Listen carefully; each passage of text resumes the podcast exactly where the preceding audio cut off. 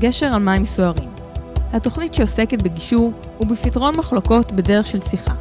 באולפן, עורך ומגיש יהודה יזרעאלי.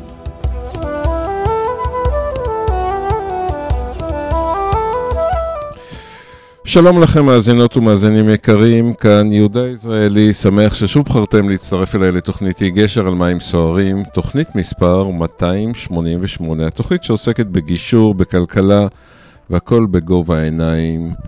ומה בתוכניתנו היום? בתיבת האוצר שלי, מה הקשר בין עלויות המחלה, המחיה, סליחה, לנוט 8, 10 ופשיטות רגל?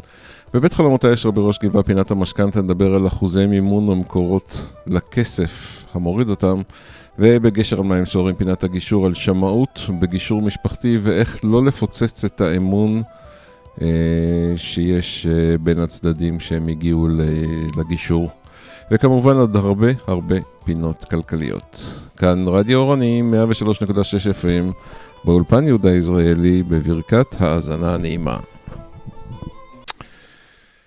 בתיבת האוצר שלי, מה בין עלויות המחיה, נוט 8, 9 או 10 ופשיטות רגל? אז הרבה פעמים אנחנו לא בטוחים שמה שאנחנו עושים נכון, אלא כשאנחנו מגיעים לתוצאה הסופית, שהיא לפעמים תוצאה מאוד גרועה. אה, וככה ישבתי עם משפחה לפני שבועיים, כשהם אה, אומרים לי, רגע, בעצם, אנחנו לא מבינים. בסך הכל העלויות הן יותר ממה שאנחנו, עלויות המחיה הן נורא יקרות.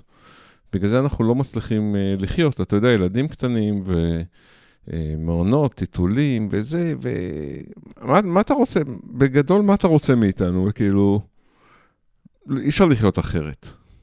ואז אנחנו מתחילים את הדיון ויושבים ושואלים את עצמנו את השאלה של מאיפה באים, מאיפה הגיעו החובות ולאן הם הולכים ולמה הם קיימים בעצם. ואז אנחנו מגלים שבצד אחד של השולחן יש נוט 8, בצד השני נוט 10. ושניהם נקנו בחברות הסלולריות, כי אתם יודעים, זה... אין לי כסף לתשלום במזומן. אין כסף לתשלום במזומן? אולי האלטרנטיבה הייתה לקנות איזשהו טלפון אחר, לאו דווקא טלפון ב-4.5 או ב-4,000 שקל.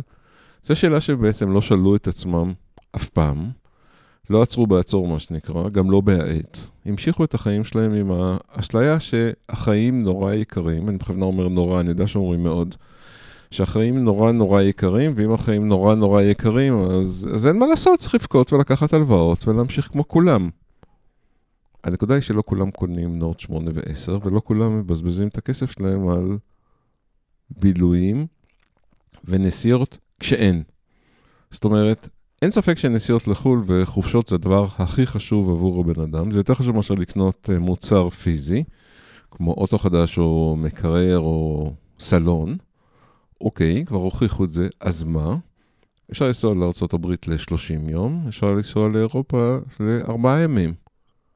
כל פעם למקום אחר כמובן, כדי שיהיה לכם את אותו אפקט של הוואו, הייתי בחופשה.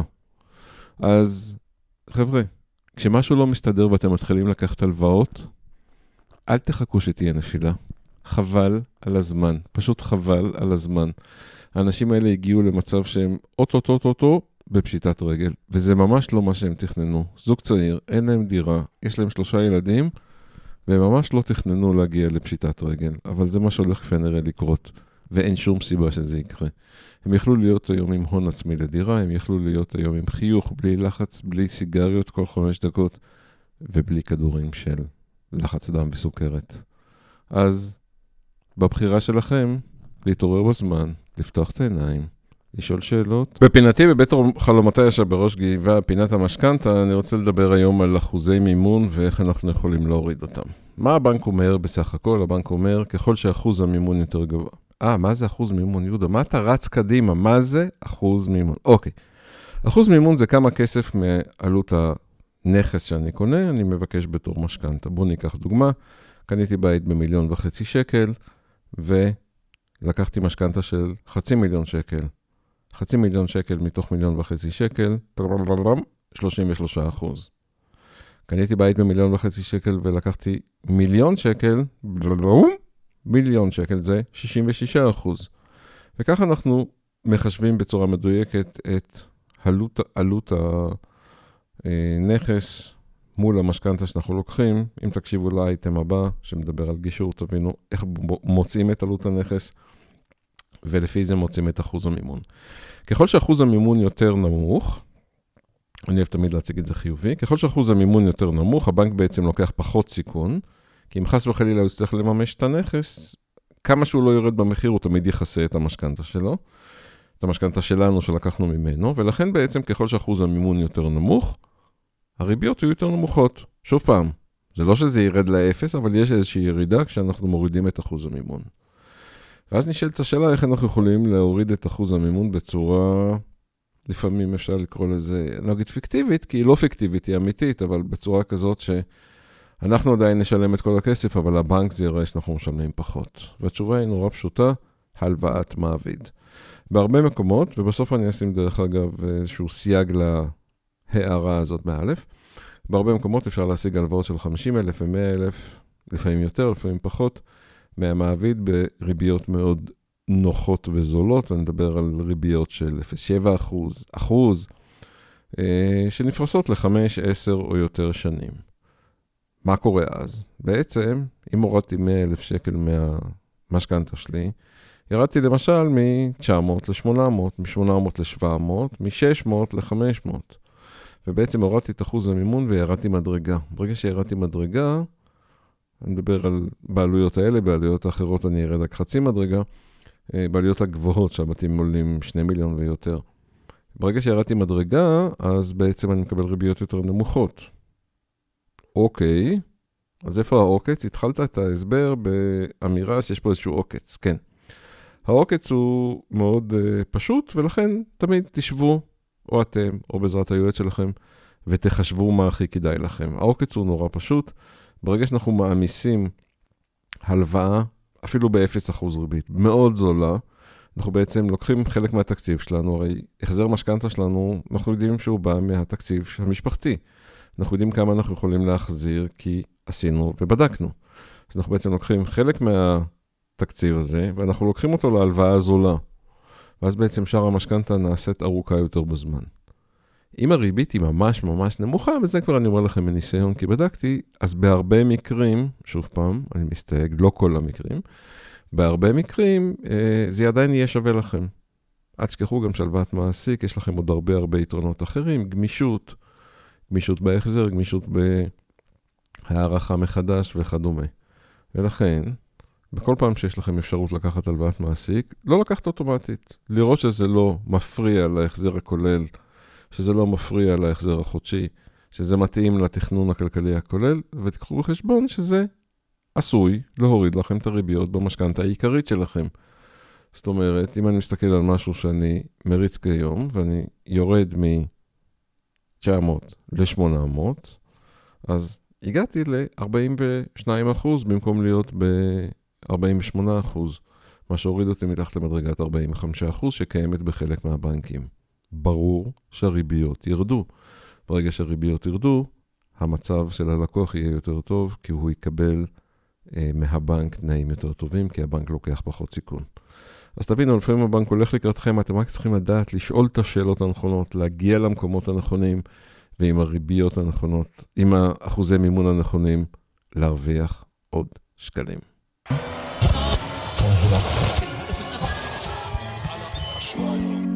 אז מה נשמע? רדיו אורנים. נשמע טוב.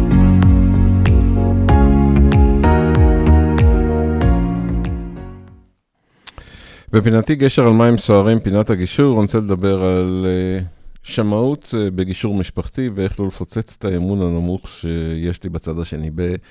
בגישור משפחתי, uh, כשאנשים לקראת גירושים, האמון היא בערך ברמת הרצפה, ולא משנה באיזה קומה אתם, זה תמיד ברמת הרצפה של הקומה הראשונה. אין אמון, הצד השני לא תמיד מישר איתנו, וגם גם גישור שבא עם רוח טובה, עדיין אין אמון בצד השני. כי כל אחד יש לו את האינטרסים שלו, וזה בסדר. זה עדיין, הגיש, הגישור עדיין יכול להתנהל בצורה טובה, בצורה חיובית, להתקדם מהר ולשמור על כל האינטרסים של כל הצדדים, ובעיקר על האינטרסים של הילדים, כי זה הדבר הכי חשוב.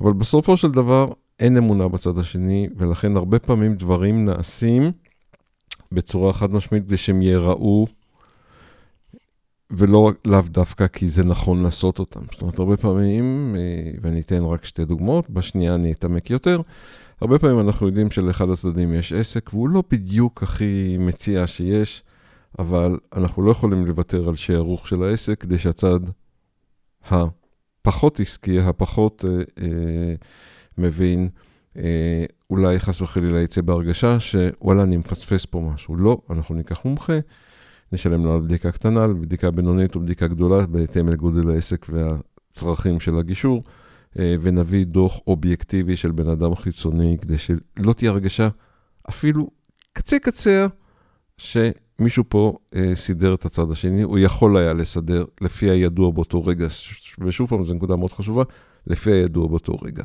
כשאנחנו מדברים על אה, נדל"ן, אין פה הידוע באותו רגע. אנחנו מדברים רק, רק על הידוע באותו רגע.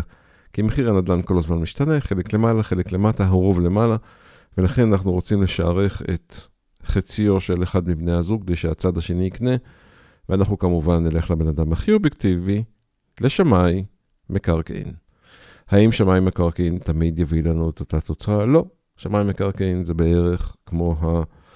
אה, בעל המוסך, שהוא שואל, שואלים אותו כמה זה עולה, אז הוא אומר, רגע, אני משלם או מקבל באותו דבר. השמאי מקרקעין מכיר לפחות שני סוגים של שמאויות, ואני אומר את זה לא כי השמאי לא בסדר, אלא כי זה המערכת. השמאים הם בסדר גמור. ואני חייב להדגיש את זה מראש. יש שמאות אה, פרטית שנועדה לשני אנשים שרוצים לדעת כמה שווה מוצר מסוים. זה יכול להיות נדל"ן, זה יכול להיות אה, בית, זה יכול להיות וילה, זה יכול להיות כל דבר אחר ששמאים יודעים לשערך. ויש שמאות לצורך בנקים, לצורך משכנתה. זאת אומרת, אם הזוג לקח לפני איזה משכנתה, אופס, בדיוק לפני חודש, אז יש להם שמאות. לא, אל תשתמשו בשמאות הזאת, כי מחיר הבית, כפי הנראה בשוק, קצת יותר גבוה. כמה קצת? אין לי מושג. אני לא שמאי ואני לא אכנס לנעליים שלהם, אבל יש את המרווחי ביטחון של השמאים שהם לוקחים, וכולם יודעים את זה, זה על השולחן, זה לא מוסתר. כדי שהתוצרים יתאימו לבנקים וכדי שלא ייווצר חוסר של כסף אם חס וחלילה קורה משהו. אה, וזה גורם לנזקים לאנשים, אבל נעזוב את זה. אנחנו כרגע מדברים על אה, שמאות לגירושין. זאת אומרת, אנחנו צריכים לבוא לבן אדם, לשמאי, ולהגיד לו, אדון שמאי, שלום, אני אדון א' וגברת ב', רוצים להיפרד בשלום ולמכור אחד לשני את הבית. אתם לא חייבים להגיד לו אפילו, דרך אגב, מי מוכר למי, זה לא רלוונטי בכלל. אה, כמה שווה הבית? כמה שווה בית בשוק החופשי, אני מבקש אה, להוציא דוח מפורט, זה עולה אלפי שקלים בודדים, אבל אנחנו נדע כמה הוא שווה ונוכל לחלוק את זה בינינו. במקביל כמובן, אחרי שיהיה לכם את הדוח, אפילו באמצע כשאתם משערכים כבר כמה אה, עלות הבית, אתם צריכים לבדוק בבנק שאתם מסוגלים לשלם את זה. מה יקרה אם אנחנו ניקח שמאות של משכנתה, או כל שמאות שהיא לא מוגדרת כשמאות שוק? אה, מה שיקרה זה שאחד הצדדים אה, יצא כשילדו, כשידו מופסדת. זה שקיבל פחות כסף. עכשיו, במקרה הגרוע, הוא לא ידע. במקרה הטוב הוא ידע, כי יספרו לו כל מיני נשמות טובות, שבצדק יגידו לו, למה הסכמת לזה בכלל? ובצדק, כי מגיע לו חצי עולה, מגיע לחצי השני, מגיע חצי בית מערך אמיתי, לא מערך של הבנקים. זאת אומרת, אם אני מסתכל על הבית והצבע לא מוצא חן בעיניי, ואני חושב שהוא שווה 10% פחות, צבע. נו, אז מה? הוא לא שווה 10% פחות. כי לצבוע בית זה לא 10% מערך הבית. אני לא מוכן לשלם יותר מ-10% פחות. כי אני צריך להביא פיגומים ובלה בלה בלה בלה בלה. זאת אומרת, קחו אובייקטיביות עד הסוף. לא אובייקטיביות של בנקים, לא אובייקטיביות של uh, קונה שרוצה להראות משהו נמוך, אובייקטיביות של שמאים, שיודעים להוציא את זה לפי מחירי הדירות כמו שהם נמכרו בסביבה, לפי המצב הבית, uh, לפי התחזוקה שלו, האופציות שיש לו וכן הלאה וכן הלאה. וככה בעצם אתם תגיעו למחיר אה, שהוא הוגן לשני הצדדים, ובסך הכל, כשבני הזוג נפרדים הם רוצים בדבר הכי בסיסי, קודם כל לדאוג לילדים שלהם, והדבר השני זה לדאוג להוגנות. אתם תצליחו ככה לדאוג להוגנות ביניכם, להרגשה טובה, וכמובן גם בהמשך לשמירה על יחסים טובים, כי אם לא סידרו אותי, אין לי סיבה להתרגז. לכל מי, חושב, לכל מי שחושב שקורונה זה רק בירה, והווירוס שמשתולל לאחרונה אה, יעבור לו בשלום, מה שנקרא, כי הוא לא נוסע לחו"ל ואין לו אף אחד שחוזר משם. אז uh, בפסח יהיה בעיה, לא יהיה מספיק מצות. פסח מוגדר, ואני אומר את זה בתור בן אדם שומר מסורת, פתח, פסח מוגדר כמוצרים של uh, א' עד, עד ז'. יש לנו שביעי של פסח, א', ב', ג', ד', ה', ו', ז', בז' פסח נגמר השימוש ברוב המוצרים, ולמחרת הרבה מוצרים לא מסוגלים להיקנות, אף אחד לא קונה אותם. למרות שדרך אגב, חלקם אפילו יותר טובים, תשתמשו בהם כל השנה. אה, ואני אתן דוגמה, תבלינים נקיים יותר, המרקים ללא כל מיני חומרים שהם בדרך כלל חמץ, אז לא מוסיפים אותם בפסח. כי זה רק קצת, אז בואו ניתן יותר טוב. יש הרבה מוצרים, דרך אגב, תשאלו אנשים שמבינים בזה, אני לא איש מזון, אבל יש מוצרים שבפסח הם פשוט הרבה הרבה יותר בריאים. אז מה עושים החנויות, מה עושות החנויות, ובצדק, שוב פעם, זה, זה, זה דיון שהוא לא דיון ביקורתי, אלא דיון עובדתי. מה, עוש, מה עושות הרבה החנויות בצדק? מה שעושות הרבה חנויות, הרבה חנויות ורשתות בעיקר, זה מלכות הסטטיסטיקה. אם אנחנו יודעים שיש בישראל כך וכך שומרי כשרות, ובין חמישה לשבעה אחוז נוסעים בפסח לחו"ל, אז נקנה פחות. אז נקנה פחות, נחזיק פחות מצות, נחזיק פחות אה, שקדי מרק, נחזיק פחות ופלים וכדומה וכדומה וכדומה. מה קורה אם אותם חמישה עד שבעה אחוז נשארים בארץ? fuck, יש מחסור במצות. fuck, יש מחסור. מצות כבר התחילו לייצר מזמן, שלא תחשבו שפתאום... זה לא לחם שעושים אותו טרי, זה כבר מיוצר לפי דעתי מחנוכה, כן? אם לא לפני חנוכה אפילו. אה, ואז בעצם יהיה מחסור. אז אם יהיה מחסור באפיפיות, או ופלות בלשון העם, בפלות בלשון העם, לא יקרה אסון, תכינו לבד עוגות. אם יהיה מחסור בקמח מצות, או במצות, או בקמח תפוחי אדמה וקרונפלור, זה כבר בעיה, כי מה נאכל? כל אלה שמקפידים אני מדבר.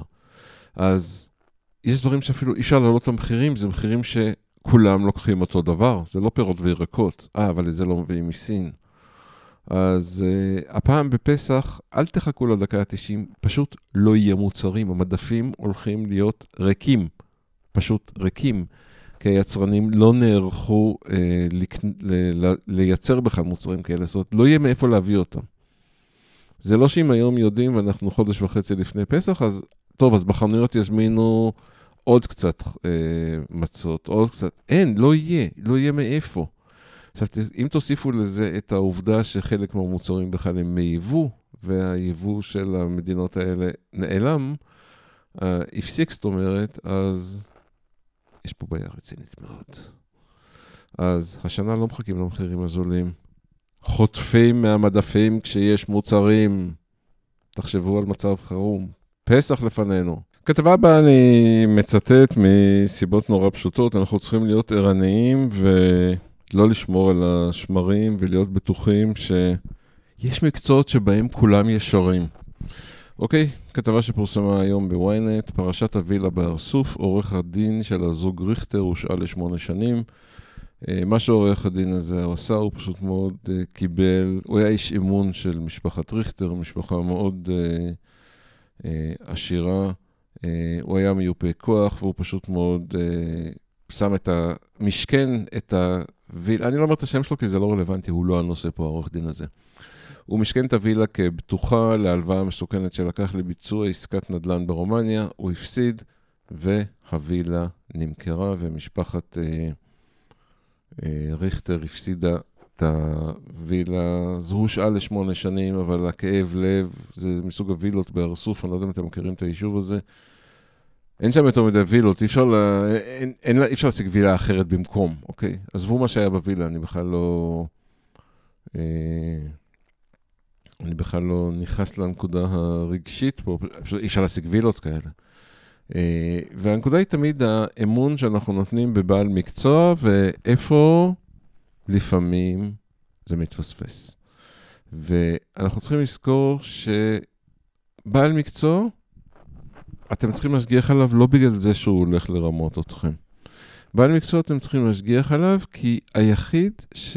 היחידים, סליחה, שיודעים טוב את מה אתם צריכים, מה אתם רוצים ומה נכון עבורכם זה אתם.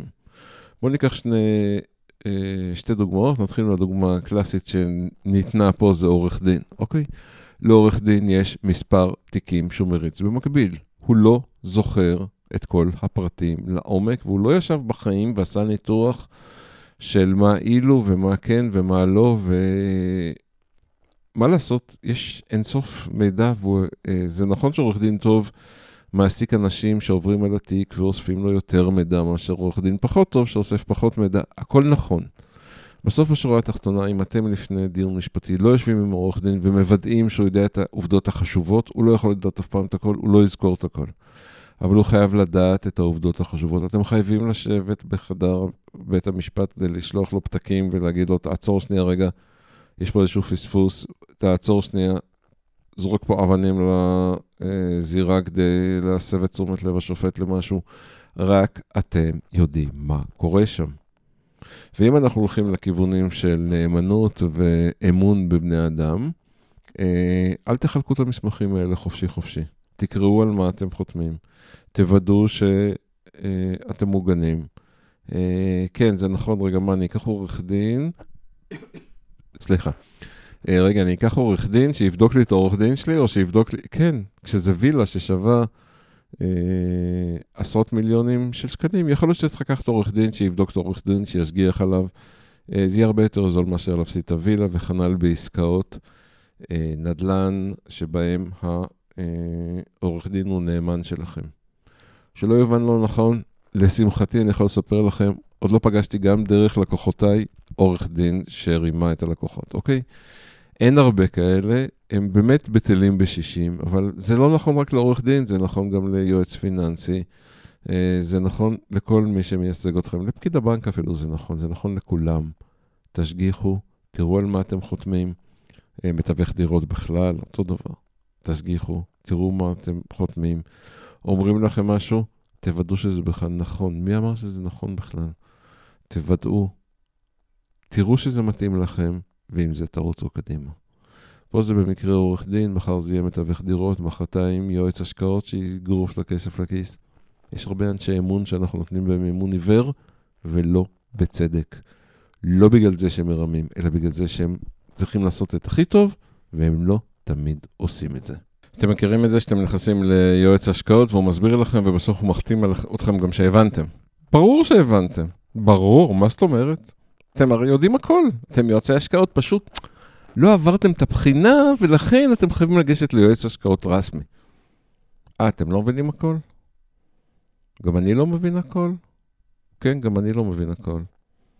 אז בקיצור, אתם זוכרים מה שאמרתם מקודם על עורכי הדין? שיש קצת קצת רמאים, באמת, באמת, זה, דרך אגב, זה לא בצחוק, זה רציני. אין הרבה רמאים עורכי דין, ממש ב, במעט. אז גם יועצי השקעות, לא כולם רמאים, אבל יש כאלה שלא מספרים לכם את כל הסיפור, או שמספרים אותו בקצב כזה שאתם, שאתם לא הבנתם כלום. ואז פועל האפקט הפסיכולוגי של מה? אני טיפש? לא, אני לא טיפש, מה פתאום? הוא הסביר, ברור, נכון? אז אני לא אגיד לו שאני לא מבין, אני אמשיך הלאה. בחסות הפיקוח סוכני ביטוח כתבה בוויינט מה-19 לפברואר של רחלי בידרמן. בחסות הפיקוח סוכני הביטוח מסכנים את כספי הלקוחות בפוליסות חיסכון. הסוכנים מפתים לקוחות ליטול הלוואות על חשבון כספי פוליסות חיסכון. אל תדאגו, אני בסוף המשפט אסביר את זה.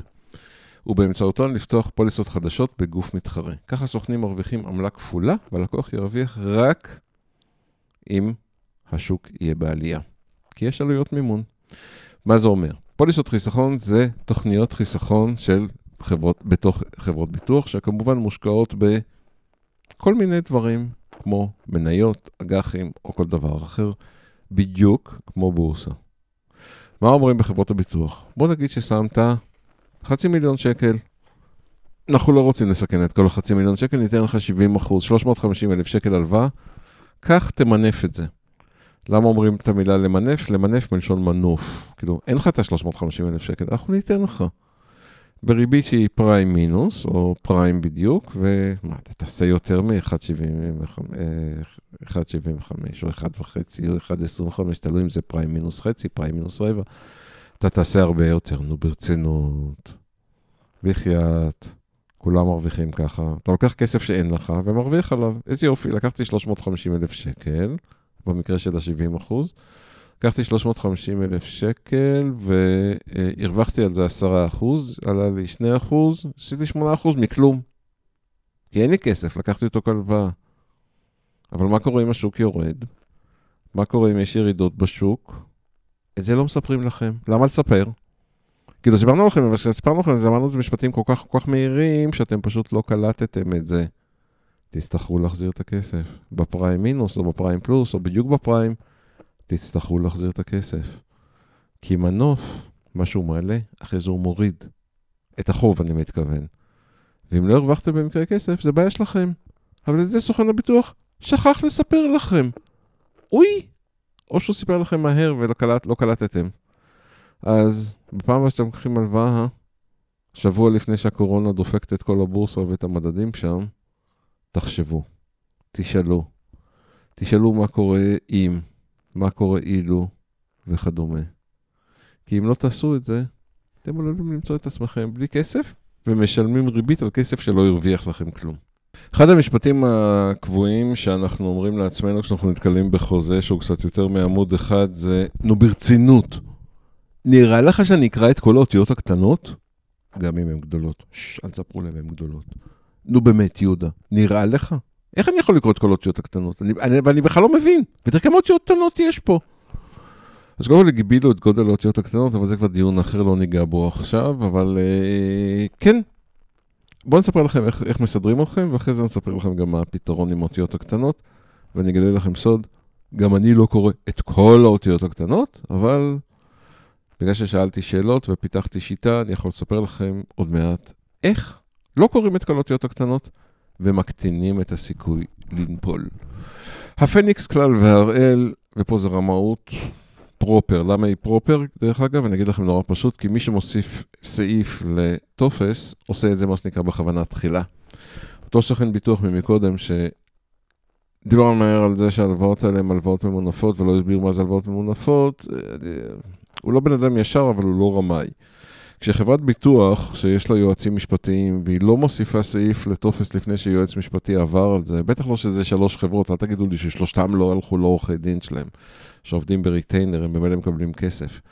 אז כן, זה רמאות אה, proper, אה, ונכון שפה ב ynet, אה, רחלי בידרמן, אה, בינד, בינדרמן, סליחה, רחלי, אה, כתבה פוגעות בתחרות, היא התייחסה לזה מאוד בעדינות, אני קורא לזה רמאות, ואם מישהו רוצה להגיב על זה, אני מאוד אזמין את חברות הביטוח, הם יכולים לבוא לפה ולהגיב בקול רם.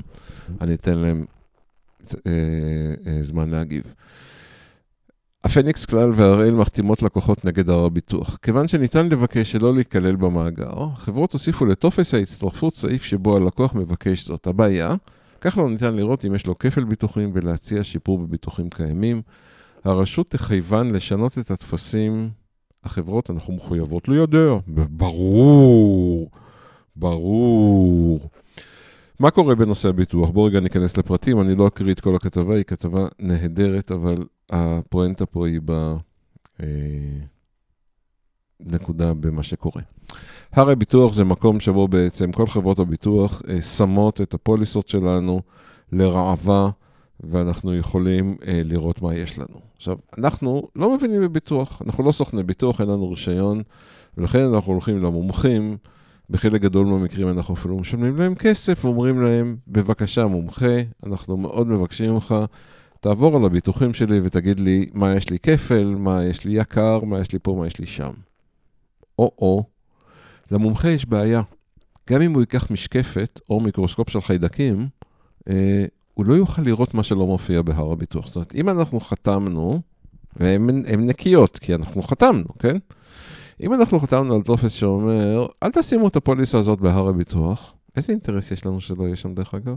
הרי זה פרטי, רק אני רואה את זה. אין לי מושג דרך אגב, אבל נגיד, מי, שהמציא בכלל את האופציה הזאת הוא בעייתי, אבל נעזוב את זה. הוא היה המפקח על הביטוח שרוצה לעבודה אחר כך. אה, אם לא חתמנו, בטעות כמובן, כי אף אחד לא יעשה כזו שטות בכוונה, אה, על זה שזה לא יופיע, אז זה לא יופיע, ואז המומחה שיבוא אחרי שנה לבדוק את הפוליסות שלנו לא יוכל למצוא אותנו. כי כמו שאמרתי, מה שלא קיים אי אפשר לראות לא במיקרוסקופ ולא עם אה, טלסקופ, פשוט זה לא קיים. אוקיי, אז איזה סיבה יש לי לעשות את זה? כי לא הסבירו לי. מישהו החתים אותי על האותיות הקטנות בלי להסביר לי מה כתוב בהם, וזה הבעיה. הבעיה היא חתימה על אותיות קטנות בלי להבין. ועכשיו אתם שואלים את עצמכם, טוב, יהודה, נו חוכמולוג, אה, איך אתה יודע ואיך אתה חותם על מסמכים עם אותיות קטנות בלי, בוא נגיד, לא נגיד בלי, בוא לא נהיה שוויצר, תוך כדי הקטנת הנפילות שלך. והתשובה שלי היא נורא פשוטה. בראש כל סעיף יש כותרת. אז כל פעם שאני עובר סעיף, אני אומר, מה כותרת הסעיף שאני חותם עליו? תסבירו לי. מכיוון שרוב האנשים הם לא רמאים, או מפחדים, כי היום יש הקלטות, ואני תמיד יושב עם uh, מכשיר טלפון על השולחן, ובהרבה מקרים אני מקליט, אלא אם כן זה מישהו שאני סומך עליו. אבל, כי אז הוא לא ישקר לי בכוונה, אז אני, מה נתבע אותו שהוא טעה? כולם טועים. Uh, אבל אם אני יושב עם בן אדם זר, במיוחד בשיחה, כזאת בטלפון, או אם אני יושב מול בן אדם שאני לא מכיר, ובהתחלה אתם לא מכירים את כל הסוכני ביטוח, אתם, במיוחד אם זה סוכן ביטוח מהעבודה, אז תגידו לו, אה, שלום משה, כן, מה זה הסעיף הזה? מה זה הסעיף הזה? מה זה הסעיף הזה? ואז הוא יגיע לסעיף הזה, הוא יצטרך להסביר לכם. הוא יסביר לכם, תאמינו לי שתבינו. איזה סיבה הוא יסביר לכם לא להיות בהר הביטוח? אין שום סיבה. ואם הוא ישקר, אז הוא הוקלט, ויהיה לו בעיה אחרי זה להסביר את למה הוא שיקר. איך אמרתי פעם למישהו? אתה יכול לנסות לרמות אותי? העורך דין שלי מת לקנות מרצדס. מת לקנות מרצדס. אני צריך להביא לו תיק כדי שהוא יוכל לקנות מרצדס. אתם יודעים מה? זה עובד ב-100% מהמקרים. הם מפחדים מהעורך דין שלי. הם לא יודעים בכלל, דרך אגב, מי הוא, כן? זה לא משנה בכלל. מי שמשקר, יודע שהוא משקר. הוא מפחד שיתבעו אותו, כי הוא יודע שהוא יפסיד בבית משפט. אני, באופן עקרוני, לא אוהב להגיע לבית משפט. לא רוצה את המרצדס, גם לא לקסוס. אני רוצה שקט, לא רוצה לבזבז את הזמן שלי על בתי משפט. ולכן אני עובר סעיף-סעיף, בודק את הכותרות, מבין שאני יודע על מה אני חותם. אז חתימות עם יהודה יזרעאלי לוקחות עוד חמש דקות. אז מה? אחרי שלוש הם אומרים, הבנתי, מתחילים להסביר, ומבינים שזה ייגמר ככה הכי מהר. כי כשמסבירים, אפשר גם להתקדם קדימה, נוצר אמון, ואז לא חותמים על סעיפים שהם לא ברורים. בסיפור הבא אני רוצה לספר לכם על משהו שעושה רמי לוי, ואני אספר אותו כי יש פה משהו מאוד, אני אוהב את היצירתיות פה, אני דרך, אני דרך אגב כן מקפיד על כשרות, גילוי נאות אני מקפיד על כשרות, אה, אבל עדיין אני אוהב את היצירתיות שיש פה, ואני מציג את זה רק בשביל שתבינו מה זה יצירתיות. רמי לוי מוציא את הסניפים השכונתיים מפיקוח הרבנות. אין אטליז, אין השגחה. סופר קופקס ורמי לוי בשכונה נפרדים מהשגחת הרבנות. בטענה שגם כך רוב המוצרים ארוזים וכשרים. גורם ברשת, למה צריך עוד משגיח שיקבל משכורת כדי לייקר את יוקר המחיה? המהלך לא יחול על רשתות שיווק השקמה, ששם יש כמובן מעדניות, אה, דוכני בשר וכדומה. מה שרמי לוי אומר זה דבר נורא פשוט. כל המוצרים הם מוצרים כשרים, אוקיי? אי אפשר לערבב, המוצרים לא נמכרים פתוחים, הם נמכרים סגורים.